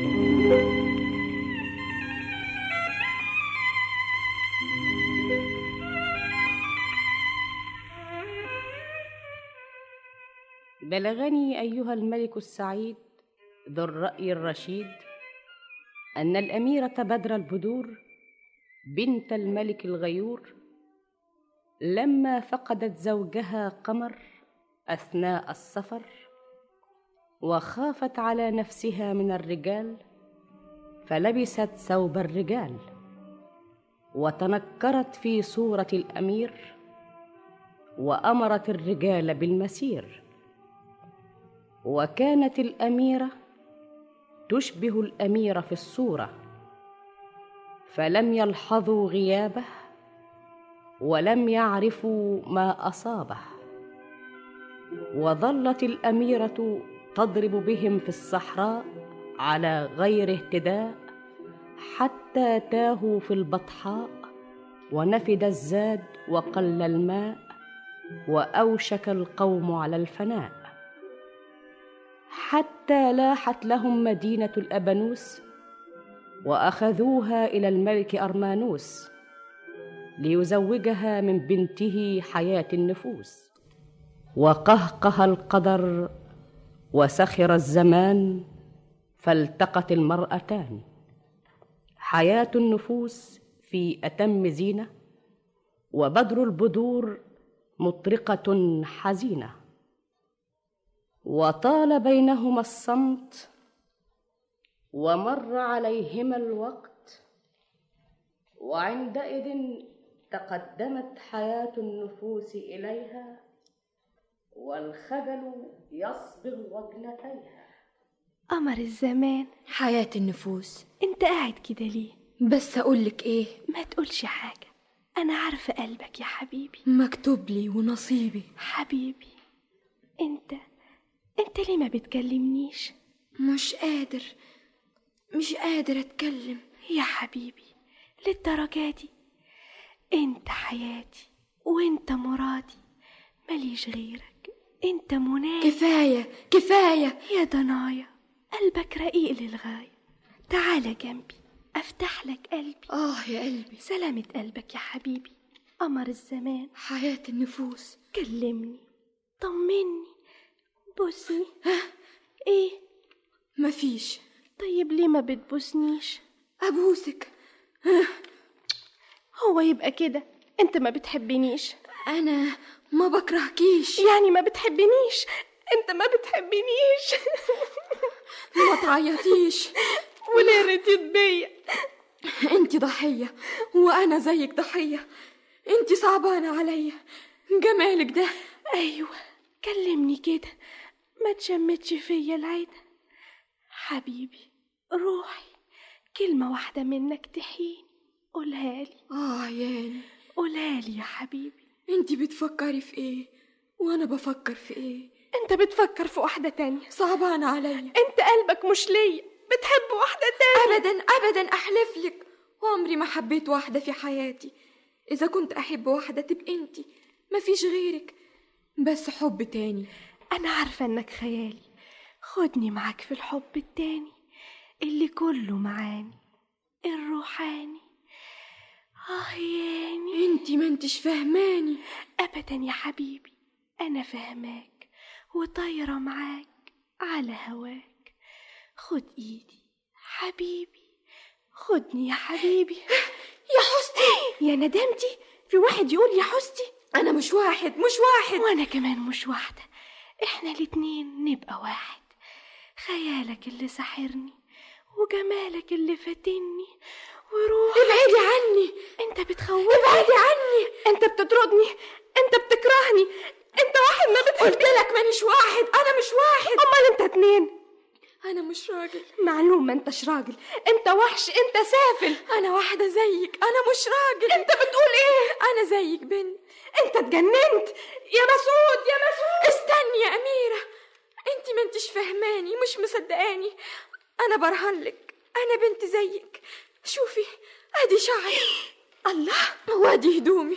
إزاي الكلام ده؟ أنا وليا.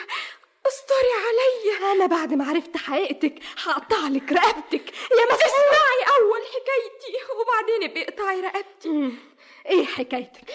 أنا أنا بدر البدور وابويا الملك الغيور وحبيبي قمر الزمان ابن الملك شهرمان زارني في المنام وجمعتنا الأحلام وحققتها الأيام. وبعد ما اتحققت أحلام حبي واطمن قلبي رجع الزمان غدر بي وخطف حبيبي مني وبعده عني. مات. قلبي بيقول لأ ودموعي بتقول آه. وعاملة في نفسك كده ليه يا بنت الملوك؟ عاملة إيه؟ عاملة راجل ومسمية نفسك قمر الزمان. الحرس اللي معانا ما كانش له أمان. تصوري اللي جايبينهم يحرسونا. لو خدوا علم كانوا قاموا علينا وافترسونا. انتهزت فرصة إني أشبه له ولبست هدومه بقى شكلي شكله. وعملت نفسي أمير وأمرتهم بالمسير وتهنا في الصحراء وجرالنا اللي ما يجرى. لما ربنا خد بيدي وجينا البلد دي وخدوني لأبوكي وبعت اللي جابوكي وعقد عقدي عليكي. أنا بين إيديكي. وحياة عينيكي ارحميني. أنا غريبة ماليش حد. دي حكايتك ما تتحكاش يا بدر البدور استري عليا أنا وليا انتي في عينيا. انتي أختي. يا حبيبتي.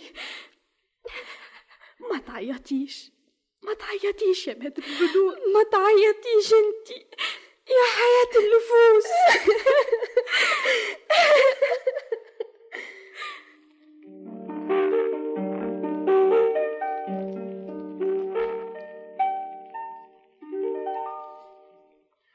صباح الخير يا ابني. صباح الخير يا عمي. مبارك يا بنتي. الله يبارك فيك يا والدي. حياة النفوس قمر الزمان. مبارك يا ولادي. الحمد لله اللي شفت جوزك في حياتي. ربنا يخلي لي مراتي. ربنا يخليك يا جوزي. الله يحفظكم يا ولادي. تعالوا هنا جنبي فرحوا قلبي. تعالى يا جوزي. تعال يا مراتي. الله يحفظكم يا ولادي. ما اشعرش إن ربنا تمم عليا الا لما أشوف ولادكم بعينيا وأشيلهم على ايديا أولاد مين؟ أنتوا الاتنين. إحنا الاتنين. ربنا يحفظكم يا ولادي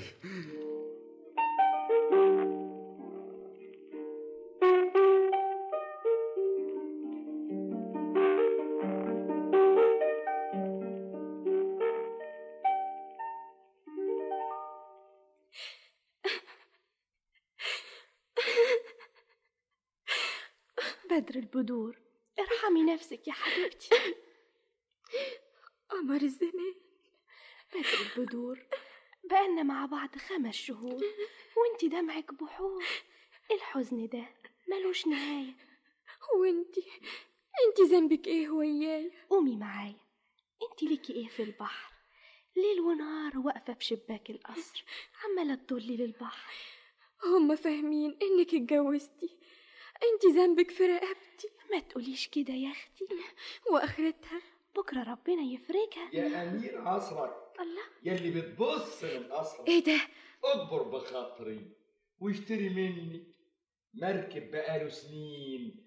جاي من بحور الصين. الحرير الهندي المكاحل العاج الكحال المراهم الأدهان. البهار العطور العود القاقلي التمر الهندي الزيتون العصافيري. الزيتون العصافيري؟ أشتريهولك؟ ابدا ابدا. إزاي؟ يا حارس خدوا الزيتون اللي في المركب كله وادوا للريس ثمنه الله أنت عملتي كده ليه؟ وفيها إيه؟ أنت أختي. أرحمي نفسك يا حبيبتي. جوازنا المزيف ده. مانع جوازك وسعادتك وانتي. مولانا الامير مالك في إيه؟ الزيتون اللي اشتريناه لقيناه جواهر. الطبقة اللي فوق هي الزيتون وفي وسط الجواهر لقينا فص مكتوب عليه اسم مولانا. فين؟ أهو. الله! الفص اللي خطفه الطير. فين الريس؟ موجود. هاتوه. أدخل يا راجل. أنا والله ما عملت ما عملت حاجة. فين الراجل صاحب الزيتون ده؟ ده واحد غلبان بيشتغل في بستان فين؟ في طبرستان. المركب بتاعتك فيها بضاعة بكام؟ فيها بضايع بخمس تلاف يا حارس. مولاي؟ انقلوا كل البضاعة اللي في المركب. البضاعة بتاعتك آه، رهن عندي. تجيب صاحب الزيتون تاخدها. ما تجيبوش هتروح فشوش. بس يا مولانا مفيش كلام. انت تسافر اوام وترجع بسلام ورجع الريس إلى طبرستان وبحث عن البستان حتى التقى بقمر الزمان. فأخبره أن أمير مدينة الأبانوس زوج الأميرة حياة النفوس أخذ كل ما في السفينة وجعله عنده رهينة حتى يعود به إلى المدينة. وركب معه قمر الزمان وسارت السفينة في أمان فلما رست السفينة على شاطئ المدينة جعلوا يتسابقون ومعهم صاحب الزيتون. حتى انتهوا إلى بدر البدور وهي في ثوب الرجال. فاستقبلتهم في الحال. وطلبت قمر الزمان مولاي. وهنا أدرك شهرزاد الصباح فسكتت عن الكلام المباح. وبهذا تنتهي الحلقة التسعون من ليالي ألف ليلة يكتبها طاهر أبو فاشا ويخرجها محمد لما كانت الحلقة الحادية والتسعون وفيها الليلة التالية اتخذ شهريار الملك مجلس الليلة الماضية. وجعلت شهرزاد تقص عليه ما وقع وتصل من الحديث ما انقطع.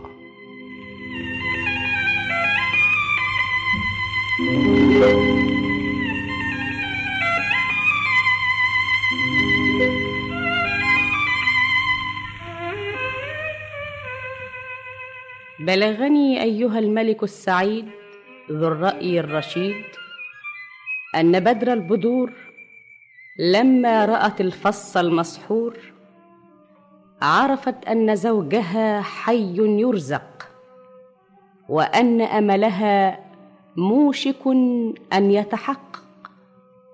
وعندئذ نقلت كل ما في السفينة وأخذته عندها رهينة.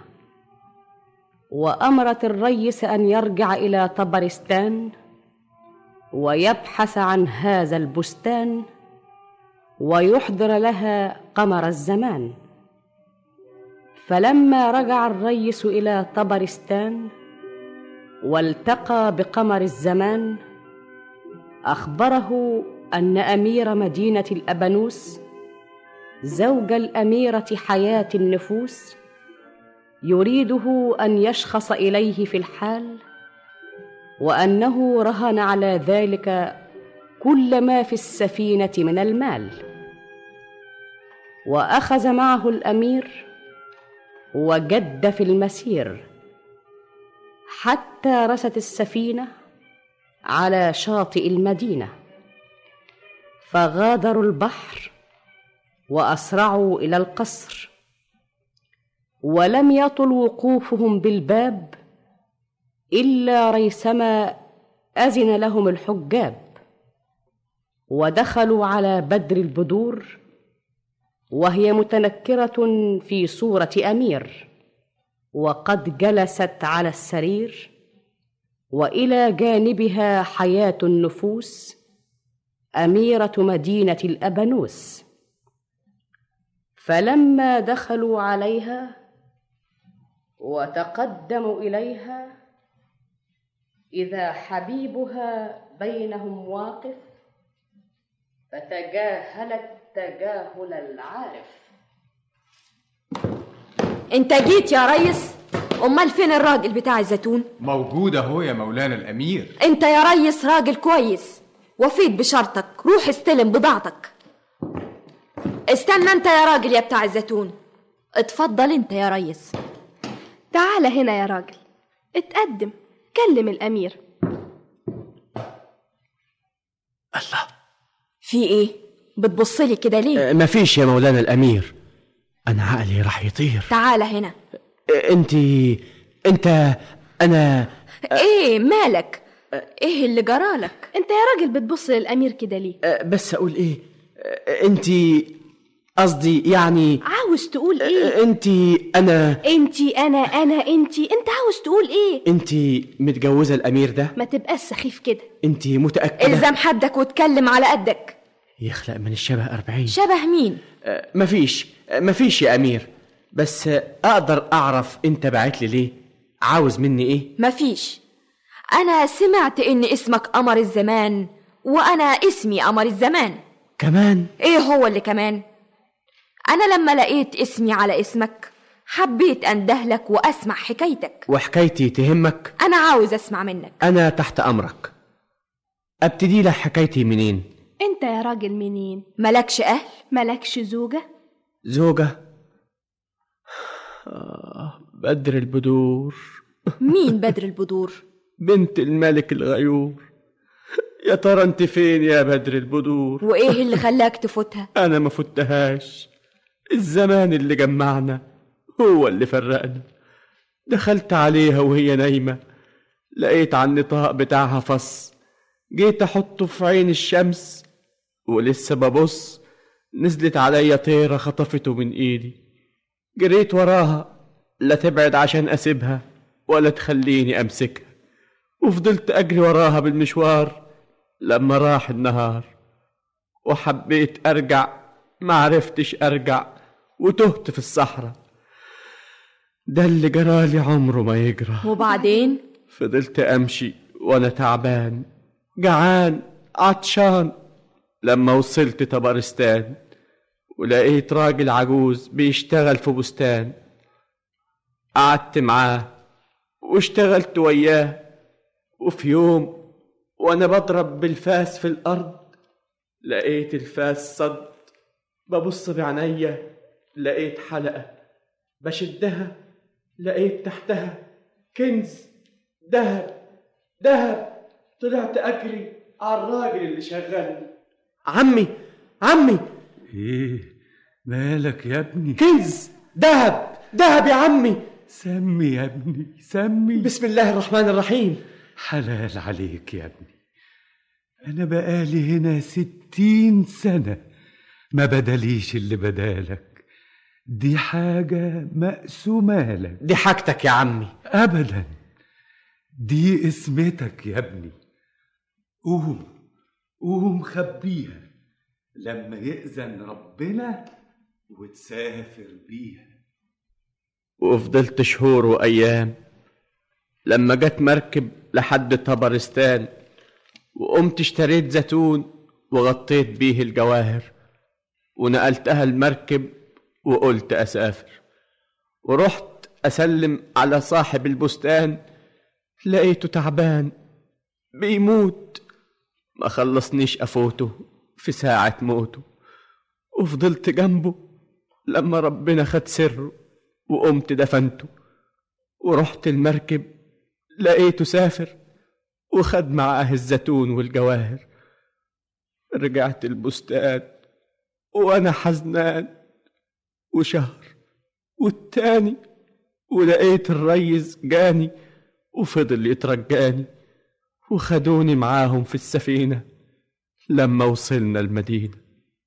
آدي حكايتي وآدي روايتي. وما تعرفش بدر البدور جرالها إيه؟ بدر البدور. ما تحكي له يا أمير. بدر البدور. بعد أنت ما فتها وجريت ورا الطيرة وسبتها قعدت تستناك كتير. وش عرفك أنت يا أمير؟ إيش عرفني؟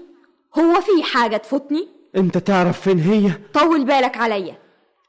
أنت بعد ما سبتها هي خافت على نفسها. لبست هدومك وعملت نفسها أمير وأمرتهم بالمسير.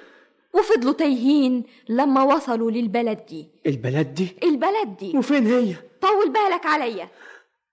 لما الأميرة حصلت البلد دي وهي لابسة لبس الرجال الناس قابلوها وعلى الملك خدوها وقاموا جوزوها. جوزوا بدر البدور؟ جوزوا بدر البدور. ومين ده اللي اتجوزها؟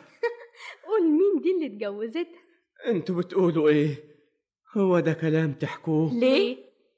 الست تتجوز ست زيها. ده اللي حصل لها. وازاي ما ينكشفش سرها؟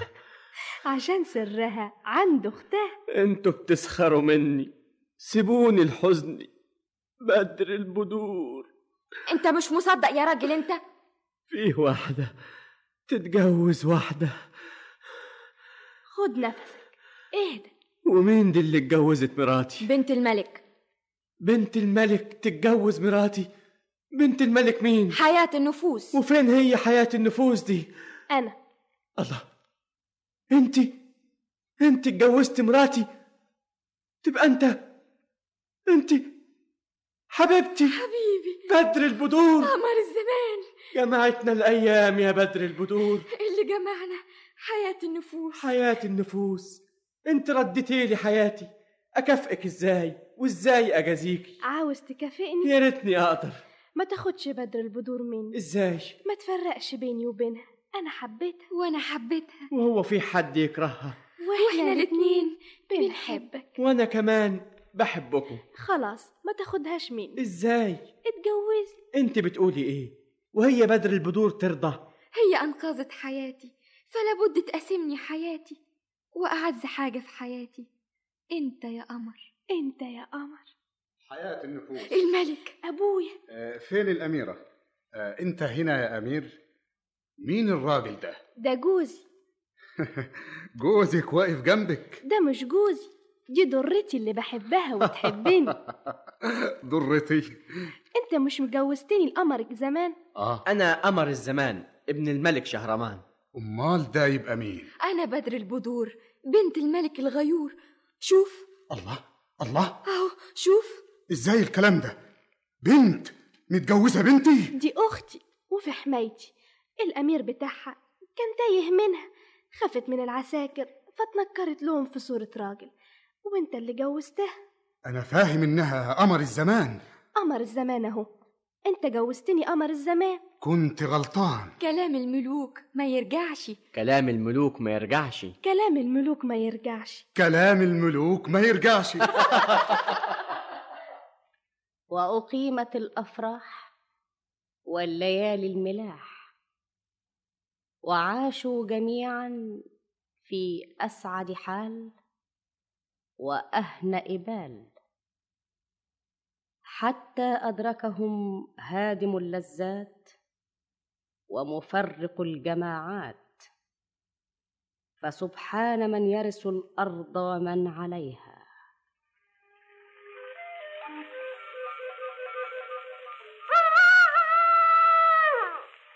وهنا أدرك شهرزاد الصباح فسكتت عن الكلام المباح.